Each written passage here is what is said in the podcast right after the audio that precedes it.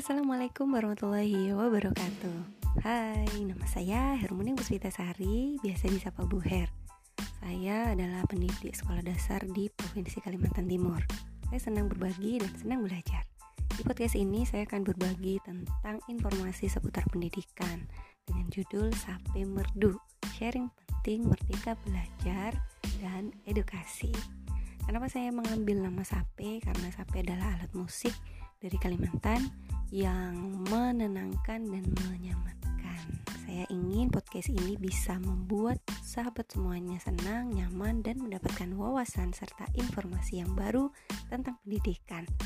Sampai merdu, meski gerak terbatas, berbagi tanpa kenal batas. Assalamualaikum warahmatullahi wabarakatuh. Salam sehat, salam literasi.